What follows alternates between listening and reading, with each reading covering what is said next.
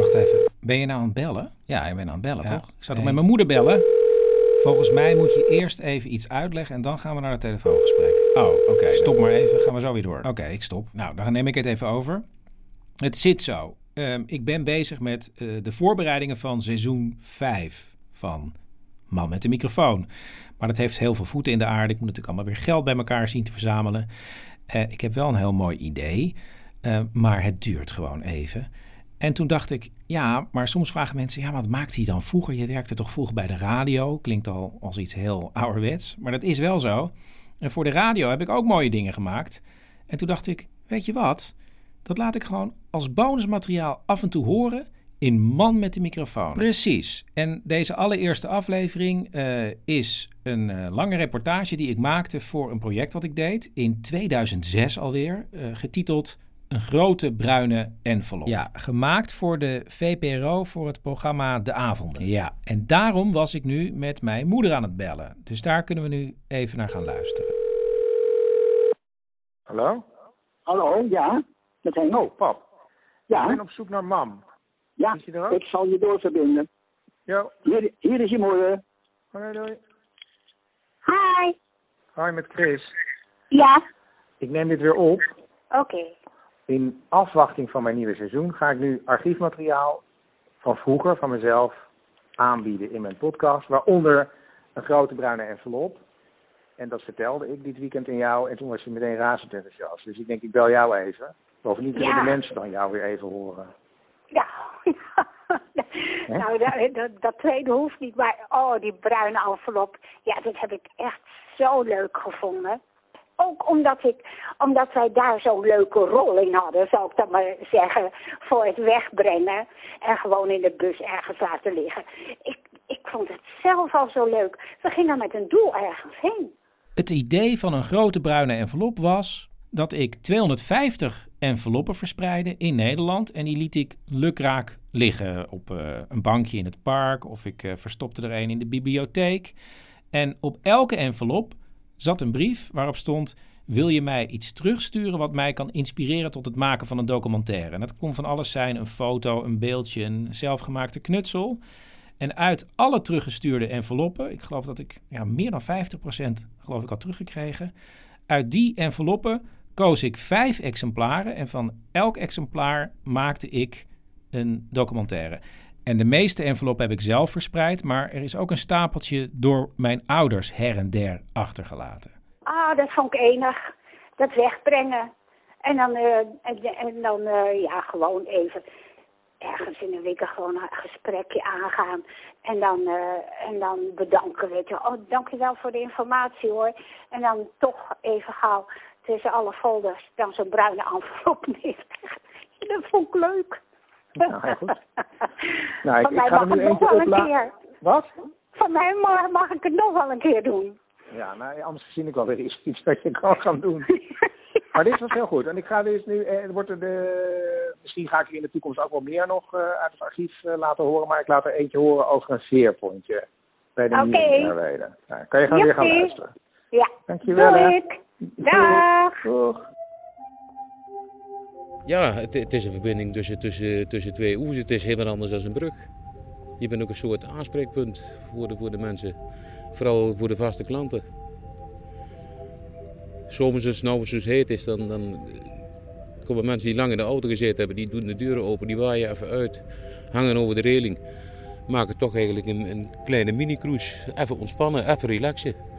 Dat, dat, is, dat is denk ik ook de kracht van de vierpont. Een mini-cruise. Toch?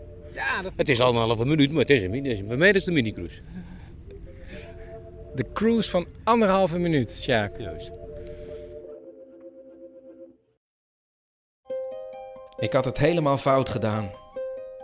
Ik had een envelop gekozen met daarin een foto van het veerpontje Dordrecht-Werkendam.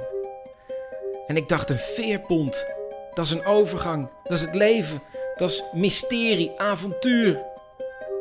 Maar daar stond ik, dagenlang op een ratelende boot korte gesprekken te voeren omdat mensen moesten doorreizen. En ik zocht natuurlijk verhalen, grote verhalen met diepe emotie. En dus ging ik maar met de mensen meereizen. Met iemand die werkte in een waterlaboratorium en met een rietsnijder. Maar ik dreef steeds verder af van mijn pontje. Totdat iemand mij in contact bracht met Sjaak. De veerman van het veerpontje tussen Lo en Husse. Een echte schipper met een baard en priemende ogen. En van hem leerde ik dat een veerpont, dat zijn korte ontmoetingen, dat is een collage van korte fragmenten.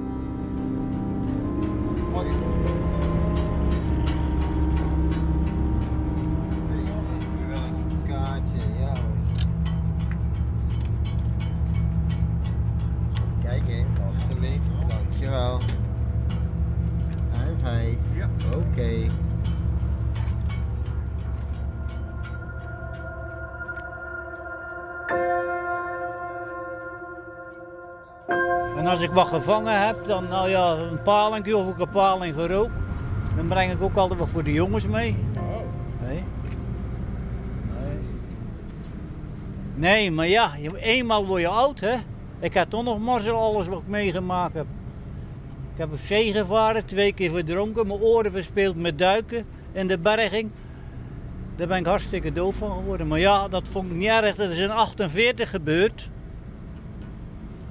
En daar heb ik altijd een goed pensioen van gehad. Dat wouden ze afkopen. Toen zei mijn oom. Hij zegt, doe het niet. Hij zegt, van ik weet hoe dat je bent, een jonge vent. Je gaat nog wel eens op stap. Die centen zijn zo door je handen heen. Begrijp je? En ik had twee kinderen. Ik heb toen maar 65 get- getrokken. Hoe oud was u toen u heel doof werd? Ja, hoe was dat? Het was Nee, een, Hoe oud was u toen? nou, dat zal geweest zijn, eh, ja, 2, 1, Ja, 22. 60 jaar. Ja. Ja. En daarna kreeg u gewoon een uitkering van de, van de staat. Ja, van de Franse staat. Ja. Ja, dan werkte ik met die schepen te lichten. Dat was wel leuk werk hoor. Altijd van, je weet nooit wat eruit komt van, van die moffenboten. Maar gaat u nu weg? Kunnen we niet nog heel even praten? Nee, ik moet weg. Ik moet naar de therapie, want ik ben al laat. Oh. Hé, hey, kijk jongen. Hij scheurt de pont af. Die man is in de 80. Volgens mij gaat hij nu al 60. De dijk op. Hij brengt af en toe eh, vissen voor jullie mee, hè, die oude meneer. Wat brengt hij mee? Vis? Paling. Ik heb nog nooit vis van hem gehad, dus het zou wel, maar als je dat zegt, maar ik heb nog nooit gehad. Ja, ik zag hem wegrijden, spruitje. Maar ik heb dat nog nooit gehad. Dan ben ik geen visliefhebber, dus hoeft het mij niet te regelen.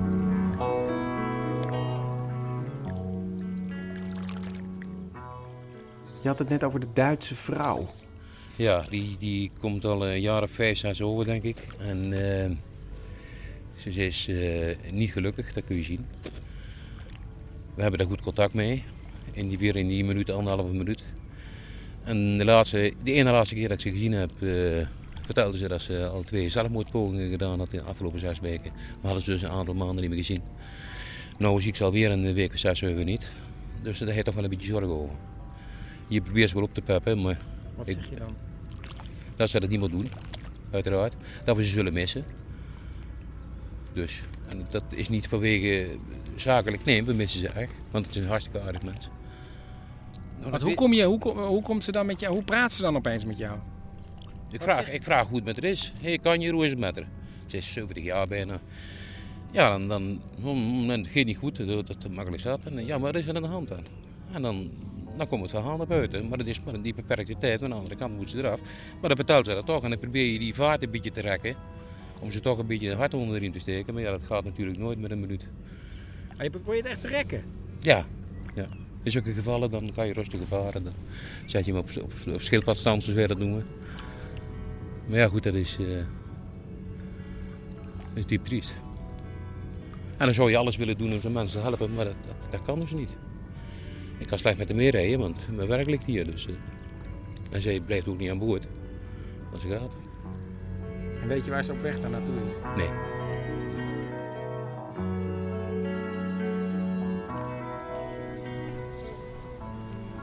Jij bent Eh, Peter van der Linden. Dichter. dichter. Dichter. Oh, Peter ja. M. van der Linden. Ja. Maar ik heb hier geen gedicht over, over dit stuk. Dat ga je dus voor mij maken nog. Ik kan wel een stukje schrijven als het, eh, Ja? als het leuk vindt. Ja. Oké, maar jij gaat een gedicht schrijven. En wa- wat voor gedichten schrijf je? Ga je een sonnet schrijven? Of is het een vrij vers? Of is Nee, het, vrij. ruimt het niet? Vrij. Ja, ik schrijf eh, meestal vrij. Dus,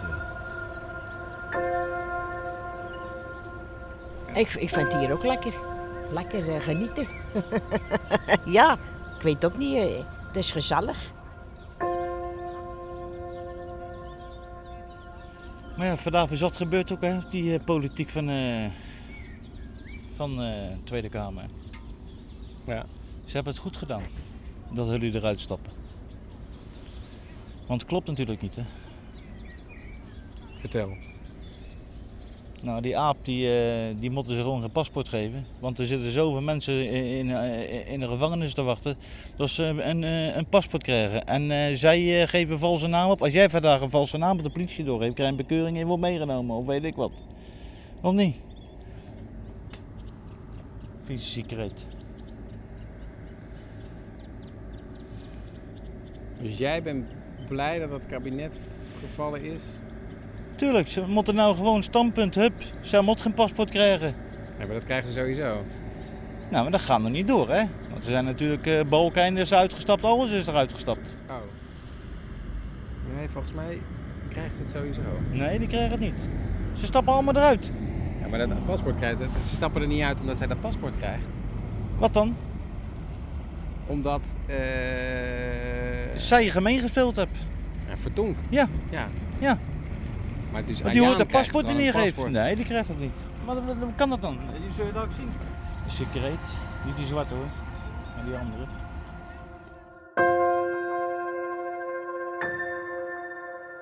Want die boeren uit de Brabantse Bierbos, die gingen dikwijls naar de beurs, noemden ze dat. In Werkendam. Of in, in Dordrecht. Maar ja, die moesten omrijden via de pont naar Gorinchem. En het was allemaal met de fiets natuurlijk. Dus toen hebben die boeren, die hebben die, die veerman van de werken aangesteld. Met een roeiboot. En later hebben ze dus een wat grotere aak gekregen met een motor erin. Maar de boeren hebben dus besloten dat er een pontje moest komen. Die werd dus, eh, die werd dus door de boeren betaald. En dan hangt er aan de Brabantse kant stond een paal met een mand erin. En als die mand omhoog gehezen werd, dan hadden ze klanten, dus dan moesten ze varen. En eh, bleef die omlaag, ja, dan, eh, dan, als er dan van, deze, van de Dordtse kant niemand was, dan, eh, dan bleven ze gewoon aan de wal. En dan stond mijn vader, die stond daar riet schoon te maken, noemden ze dat. En dan deed van de werken mijn vader weer een beetje helpen. En zo hebben ze elkaar eigenlijk een beetje aan het, in het leven gehouden. en dan gebeurde het wel eens dat het de andere morgen dat het hartstikke mistig was. En dan eh, waren ze met, z'n tweeën, of toen later met de machinisten bij dan, met z'n drieën aan boord. En dan kwamen ze op de vensterbonken. Hé hey, Teun, kom op joh, je wil mee. En dan moest ik mee de eerste reis naar de Brabantse kant. En daar werd ik dan gedumpt. En als dan de pont weer van de kop van het land vandaan vertrok, dan moest ik gaan staan te bellen. Dan kwamen ze op het geluid af. Dat was een koud baantje, hoor. Als het erg mistig was in de herfst. Dan stoor je te stikken van de kou.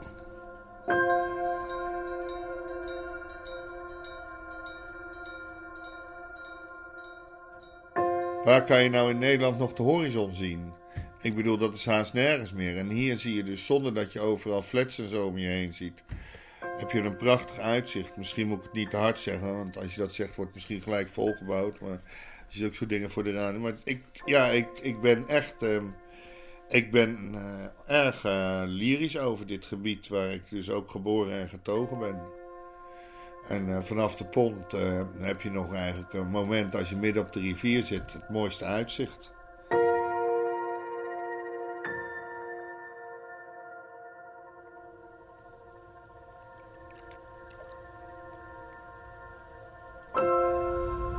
Maar heb je nou ook contact met mensen ehm, buiten de pond die je op de pond hebt leren kennen?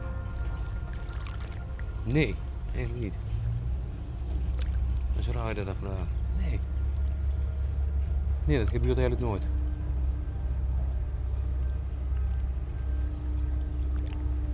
Daar moet je over nadenken. Nee, we zijn er wel bij. Maar ja, misschien valt het dan tegen als je ze langer... Eh, je weet het niet, hè? Toch? Dat is zo. Ik, nee ik vind het ook wel prettig, eigenlijk. Dat het, een, het, is ook een beetje bescherming als je maar een... Je kunt er niet dieper op ingaan en, en, en niet langer dan die anderhalve minuut. Laten we zeggen vijf minuten als je de schepen tegen hebt. De charme is juist dat het een beetje ongrijpbaar blijft. Ja. Ja, het heeft ook iets veiligs. Het heeft ook iets... Dus jij blijft voor de mensen ook de man met de goede kop en de betrouwbare inborst. Denk ik, ja. ja. Terwijl ze ook niet weten wie ik werkelijk ben natuurlijk. Nee. Nee. Geef ook niks. Dat is het leven van een veerman, denk ik.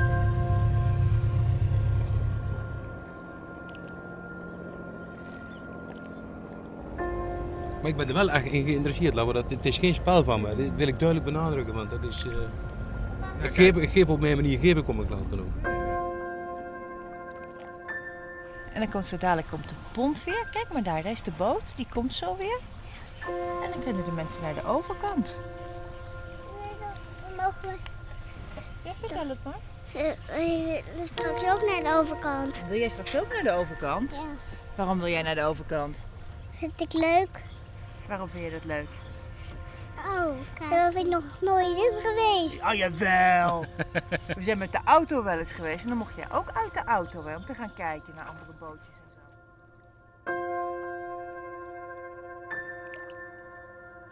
Ik denk ook dat dat de kracht is, eh, van, dat dat de oorzaak eigenlijk is. Het is een heel kort eh, om het hout. Het verprikkelt tot niets. We weten allemaal dat het binnen een minuut afgelopen is, maar dan ben je aan de andere kant. Het, het schept geen verplichtingen van een uur babbelen. Ik denk dat dat ook de mensen makkelijker beweegt tot praten. Misschien.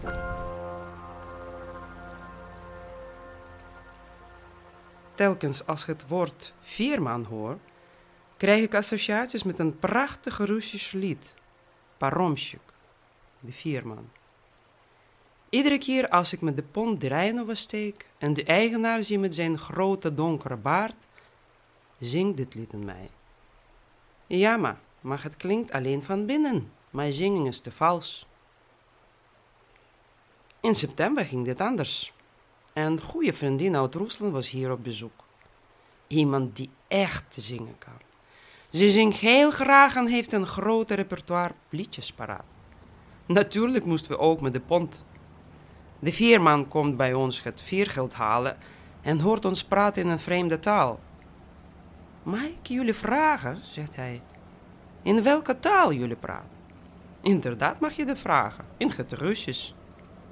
Zijn reactie was snel en spontaan. Hoe kun je in hemelsnaam zo'n mooi land verlaten? Wie is die man? Die onverwachte fan van de Russische cultuur? Een zeldzame Nederlander die echt een goede compliment kan geven. Ik grijp direct de kans de veerman het liedje te laten horen. Mijn vriendin hoeft je dan geen twee keer te vragen en zij begint onmiddellijk te zingen. Струится время без конца у тихой рощи, Венчает юные сердца седой паромщик. Но нас с тобой соединить паром не в силах, Нам никогда не повторить того, что было. Разлука In een wereld vol van scheiding gaat iedereen zijn eigen weg. Elke ochtend schenkt de veerman toch weer nieuwe hoop. Voor al die verliefden verbindt hij de linkeroever met de rechter. En staat alleen met heel zijn lot.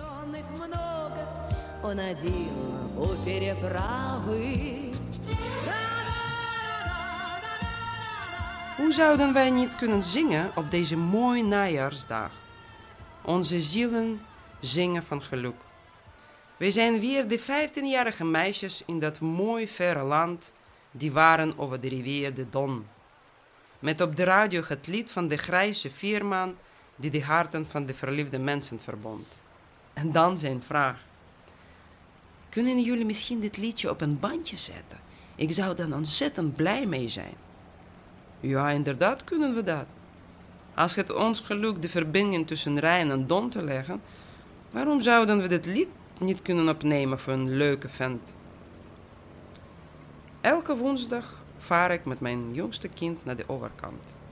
Het lied voor de vierman ligt al een maand klaar, maar het wier is oude waard. De Rijn is breed en die oude waarden zijn overvol. Pas deze week is het water genoeg gezacht en gaan we weer.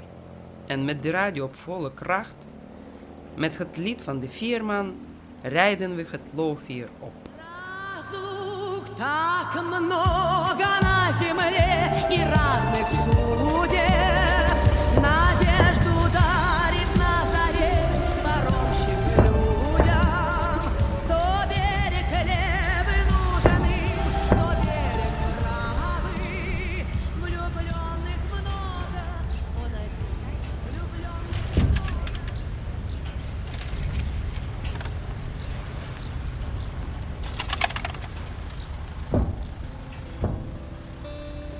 En ik herinner me nog wel dat mijn vader, die pont die voer namelijk niet erg frequent.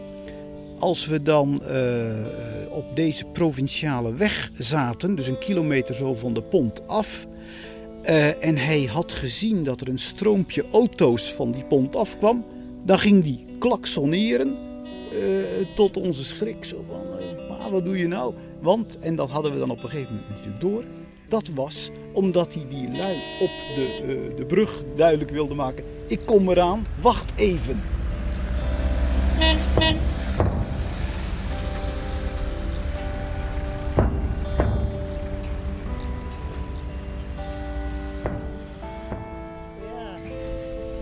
Ik zou u niks kunnen zeggen dat ik iets bijzonders meemaak.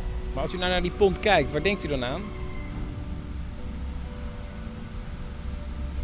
Naar die pont kijk. En het water. Heerlijk. Heerlijk.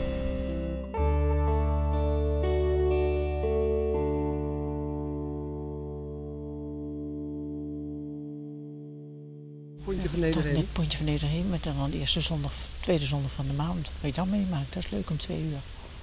Wat je dan meemaakt om twee uur. Het is een soort code dit. Ja. Hè? Daar komen ze. Ja, komen ze. Die Ja, komen dan. de strenge gereformeerden. En dat is heel leuk om te zien eigenlijk. Dat is echt zoiets uit het boek van... eh, ehm, op de dijk, hoe heet dat boek ook weer? Het Briesend Paard. Rien Poortvliet. Dankjewel. Ja, ja.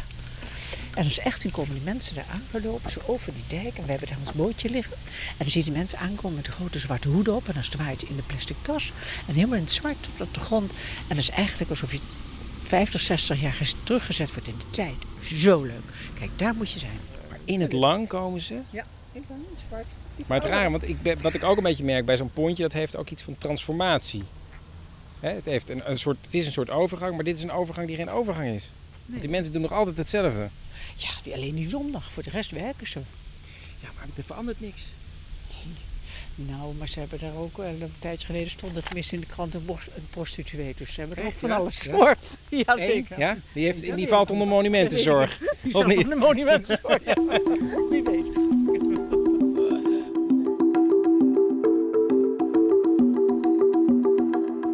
En nu drijft er een heel klein blikje bier hier in de rivier.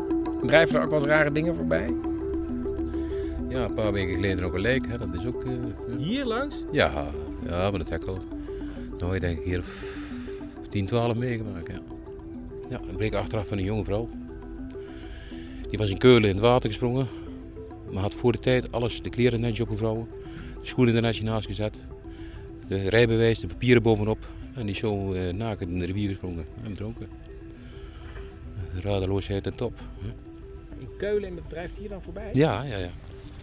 En die was nog helemaal gaaf, gelukkig. Maar dat, eh dat zijn geen prettige dingen. Kan je de eerste keer nog herinneren? Ja, nou, Vertel. dat was niet, oh nee, dat is niet leuk. Dat hoeft niet. Dat ik niet doen. Nee, dat is niks. Die was een paar keer door de schroef heen gegaan, dus dat... Verschrikkelijk. Oh, daarom zeg je, zij was nog gaaf. Ja, was, was ja. Dus helemaal van Keulen af hierheen. En dan, dus die, die zag er nog heel uit, die was nog heel, nou het zo maar zeggen dan. Komt er nou ook iets, iets leuks voorbij drijven? natuurlijk. Maar ik, eh, had, ik zat niet meteen op het eh, lijkenspoor, maar... Hè? Er kan ook een koffer met geld voorbij drijven. Die hebben we nog niet gehad.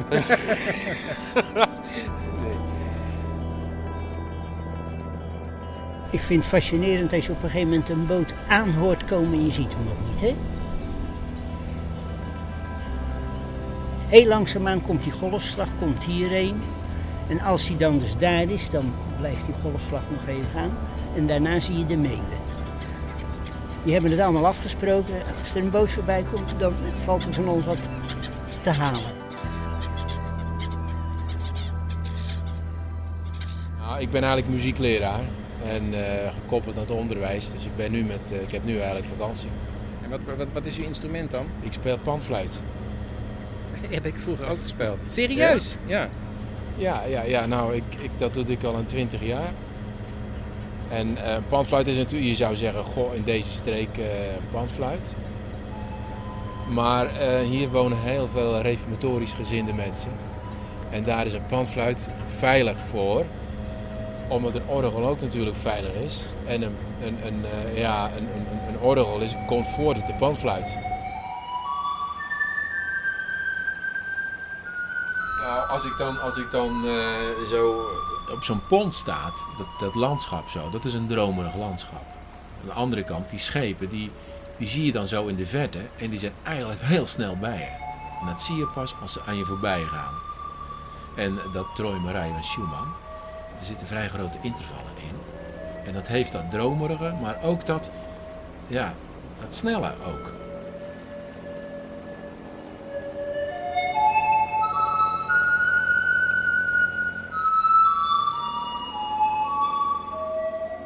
En ja, misschien doet die eh, reformatorische leerlingenkringen ook er wel wat toe bij. Want het is zo, als ik een lesje opgeef, dan over een week, dan hebben ze het lesje gewoon gedaan.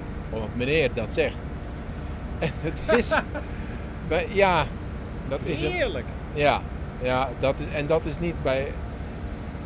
Als ik nou zo maar zeggen, de, de, de reguliere jeugd legt dat Dus zo eigenlijk, eigenlijk is bij u deze kant van de oever, dat is Dordrecht. Ja. De andere kant is Werkendam. En Werkendam, dat is uw werkterrein natuurlijk. Ja, Gorkum, Gorkum, Werkendam en zo. Maar daar, daar zou u minder snel eh, Ja, ja, ja. ja. brave leerlingen hebben. Dat is de, dat is de heidens, ja. nou, dat is wel erg zwart-wit uitgedrukt. Nou ja, hoor. dat is de heidense kant. En Ja. dat, is de, dat is uw kant. Ja. Tenminste qua klanditie. Ja, ja, ja, ja. Ja, ja dat, dat klopt wel een beetje. Het zit, en u zit nu in die, in die overgang. Ja, ja. Ja, maar ook daarin, eh, daarin voel ik me veilig hoor. Maar, maar, maar, de, maar de, de, de, de, het mensbeeld wat je daar eh, zoals geschetst, dat, ja, dat kan je er wel een beetje in proeven, ja.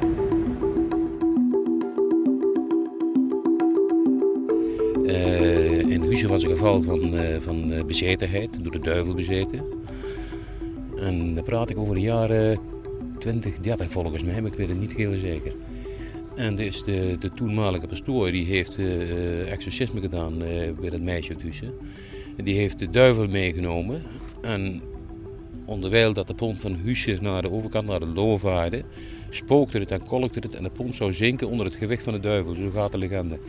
Dat weet je, aan die kant heeft hij hem eh, be- begraven of neergezet of weet ik veel wat. En de terugreis eh, voorspoedig. En de duivel zat aan de verkeerde kant van het water, volgens de Huissenaren dan. Leuk. Ja.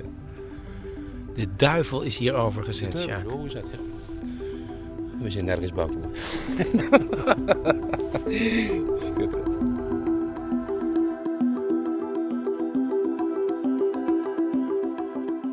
In deze konterijen zijn ze wel iets eh, vriendelijker tegen je.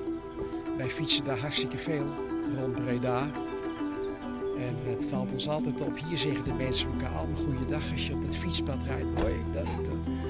Brabant, daar willen ze hier nog wel eens voorbij rijden.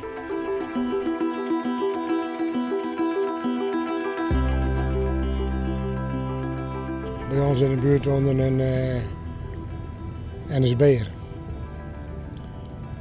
En eh, als, er, als er moffen bij ons kwamen, die, eh, heb je een paard, heb je een had je nooit wat.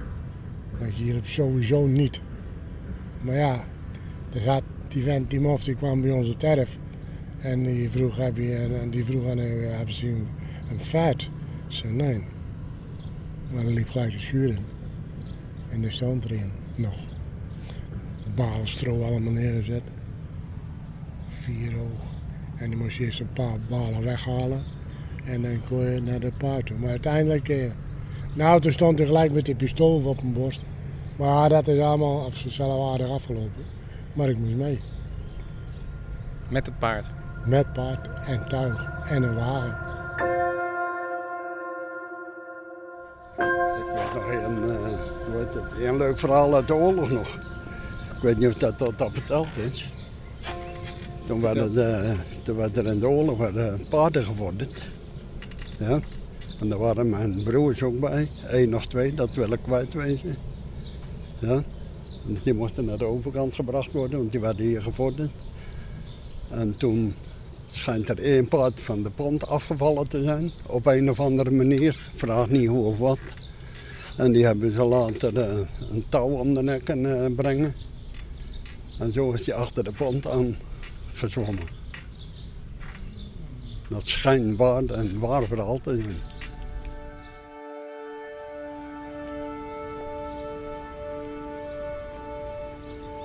Het dodelijke vervelen. Het overzichtelijke wachten op de overkant. In de hitte verzengen. Een musje. En och, nog een musje. Keeltje wijd open naast ijspapier. Vrouw doet de puzzel. Man draait duimen. Er is geen zak te doen. Het schijnt verbluffend mooi fietsen te zijn in de Brabantse biesbos. Er gaan mussen vallen vandaag, in sloom tempo. Een fiets komt, een auto gaat, de pont kent zijn plaats. Als mijn fiets valt, zal ik gaan. Mooi fietsen in de biesbos, tussen uienvelden en graan. Gewoon mooi fietsen in de biesbos, langs zwanen en meren en al dat achterlijk groen. Edoch vandaag en och, nog een musje op mijn fiets.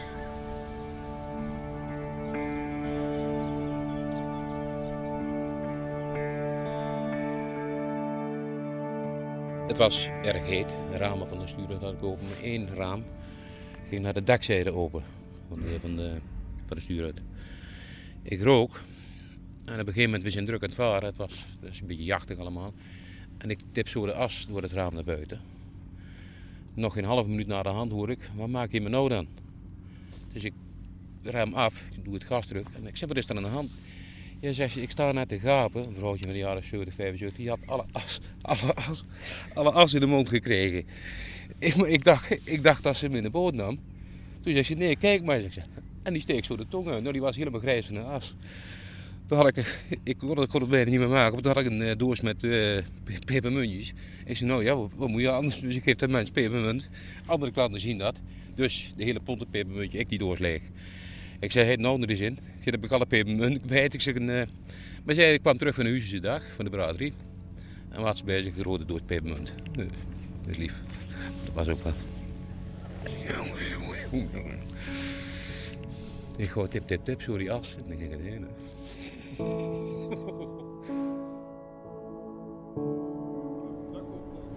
Dag meneer. Ik ben Chris. Ik ben Cor van der Maas. En u rijdt heel vaak met het pontje naar de auto. Jammer genoeg wel, want mevrouw ligt nog alles in het ziekenhuis.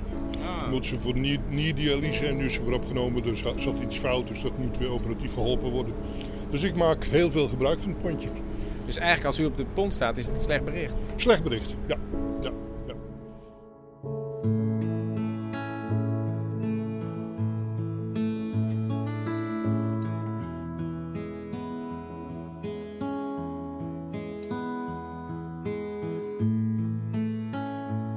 Mijn vader wil de auto starten en denkt, verdorie, waar is mijn contactsleutel? Wat bleek? Er was die dag was een verjaardag. Was er ook een oom ergens uit de buurt van Eindhoven geweest. Die had eenzelfde colbertje aan als mijn vader. Die was al uren eerder vertrokken. Met, ik geloof, de scooter dat hij opreed. Die had dus het colbertje van mijn vader met zijn sleutels aan. Wij hadden geen reservesleutels bij ons. En er was behoorlijke paniek toen. Je had nog geen ANWB, wegenwacht. In elk geval, daar hadden wij geen weet van. En toen met een paar mensen daar van, dat, eh, van de, eh, die, die, die poldergemeenschappen... hebben ze dus als een soort eh, ja, autodieven... hebben ze het contact van die auto kapot getrokken en met draadjes. Want men- jullie moesten de pont wij halen. moesten die laatste pont halen. En mijn vader, herinner ik me nog, moest om te starten en om te stoppen, moest die twee draadjes tegen elkaar stoppen of van elkaar afhalen. Ik geloof dat we de motor op de pont hebben laten draaien. Want hij was benauwd dat die motor daarna niet meer af, eh, aan zou slaan. Nou, en zo hebben we de reis toen gemaakt. En dat colbertje, of die colbertjes, die zijn later met de post weer gewisseld. Hè, zodat mijn oom zijn jasje teruggeeft, mijn vader het jasje en zijn echte sleutels.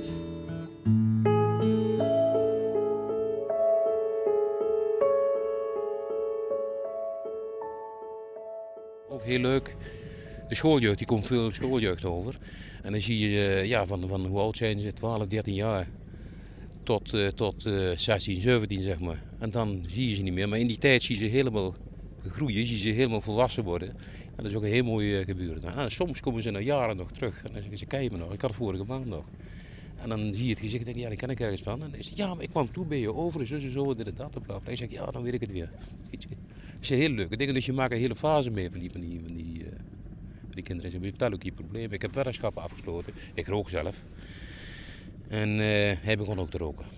14 jaar. Ik zei, dat moet je niet doen, jongen. Dat moet je, laat nou liggen, het kost alleen maar geld. Ik zei, ik kan het weten, want ik rook nog steeds en het brengt je niks. Ja, ja, ja. ja. Ik zei, doe een weddenschap. Je krijgt mee 10 ritten. Als je nou drie maanden niet rookt, en hij belooft dat je niet meer verder rookt. En inderdaad, hè, die 10 ritten had hij gekregen, zo'n boekje. Ja. Hij rookt, en ik kwam hier dus, vorig jaar was dat, hij rookt nog steeds niet. Dus dat zijn leuke dingen, toch niet? Ja, dat is mooi. Toch?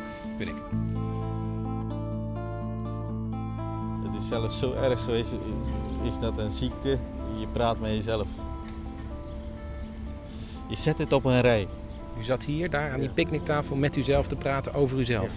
Ja, over mezelf. Ik zat eh, op een rij te zetten. Wat zei u dan? Waar ik eh, mee zat allemaal. Want eh, kijk, eh, als, je, als je dan om je heen alles kwijt bent, je hebt niemand. U was uw baan verloren? Ja. Je kon niet met je eigen mensen praten erover. De familie niet? Nee. Dan, dan ga je dat doen kennelijk. Dan ga je dat doen. Ik heb ook heel veel dagen gelopen totdat ik niet meer wist waar ik was.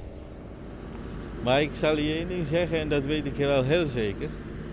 Het is je opleiding, ervaring en je opvoeding dat je weer terug kan komen in de maatschappij zonder hulp van anderen. Want een ander zou misschien daarin zijn gesprongen. In het water? Ja, dat gebeurt vaak. Ge- eh, Ik denk... eh, Maar heeft u wel eens aan die picknicktafel gezeten en gedacht... Ik, ik kan gedacht, ook in het water springen? Ja, ik heb gedacht ja. En waarom was het niet de oplossing? Dit is maar een fractie van een tijd en dit is iets wat, waardoor je hard gaat worden. Eh, waardoor je een ander mens gaat worden. En dat achteraf, na acht jaar, ga ik dat zien. Van, het, het, het klopt. Je gaat beter relativeren. Een pontje komt weer. Dit Maar- moment is voor mij belangrijk. Hij komt aan.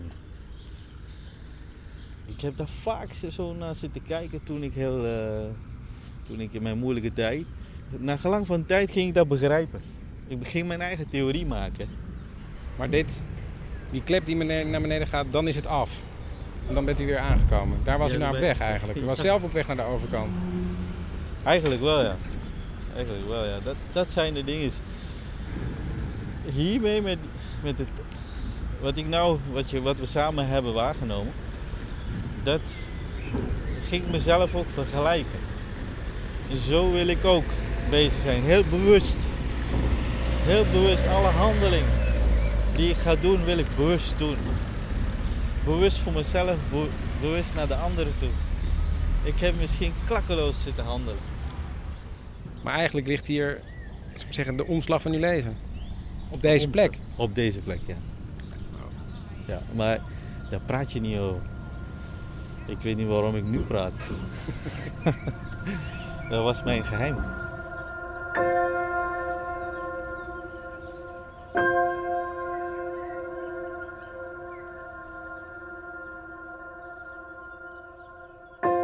De was hier natuurlijk hoofdzakelijk als je in de ijsgang zat.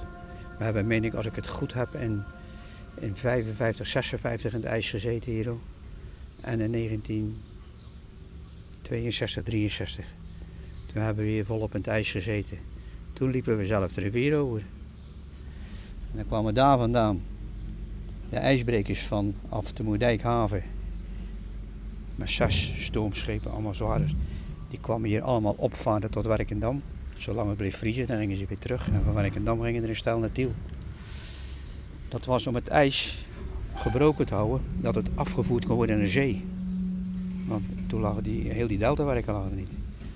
Dus dat moest opengehouden worden. En zodra de door in ging zetten, dan bleven ze doorbreken naar boven toe. Totdat al het ijs, erop, het ijs wegkwam. En dat is, eh, ja, dat was niet zo leuk natuurlijk, maar dat was niet anders. Toch proberen om het zoveel mogelijk die, die, die, die verbinding nog in stand te houden. Dus dan ging hij of met eh, een boot ervoor die het losmaakte. En op de lange duur dat het niet meer ging, dan lagen we stil en dan voeren we enkel met de sleepboten. Waar de mensen dan met de fiets en met wat er was op konden. Zo is het eigenlijk allemaal gegaan. Ik zei vertellen, winters, varen we tot 9 uur. En als je dan sneeuwstormen hebt, toestanden, dan s'avonds heb helemaal niks meer te doen. Je ziet geen ene klant, er liggen laag sneeuw van 10, 15 centimeter. En dan denk je bij je eigen, jezus Christus, ik kan eens goed thuis kunnen blijven, dat is helemaal niks. En met dat je dat denkt, dan komt er een heel klein lichtje van de dijk af. En die ploetert eigenlijk door de sneeuw heen. En dan zie je die, die, die witte maagdelijkheid van die sneeuw, dan zie je alleen die paddensporen. De sneeuw de pot een beetje. En dan krijg je 70 cent, was dat toen nog. 70 eurocent. En dan zet je die man over en dan weet je weer waarom je er bent. En daarvoor doe je het.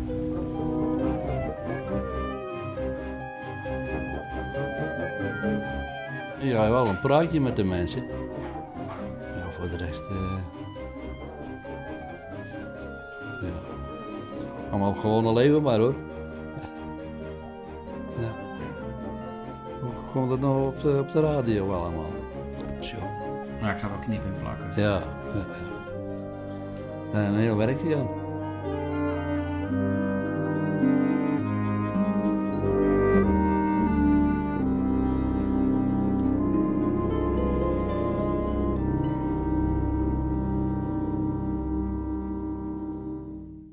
Dit was bonus aflevering 1, het veerpontje. In afwachting van het vijfde seizoen Man met de microfoon. Ik denk dat er nog wel een bonus aflevering komt. Ehm, maar dat zien jullie vanzelf wel. Dit was het. Ehm, heel veel dank aan de VPRO. Tot snel.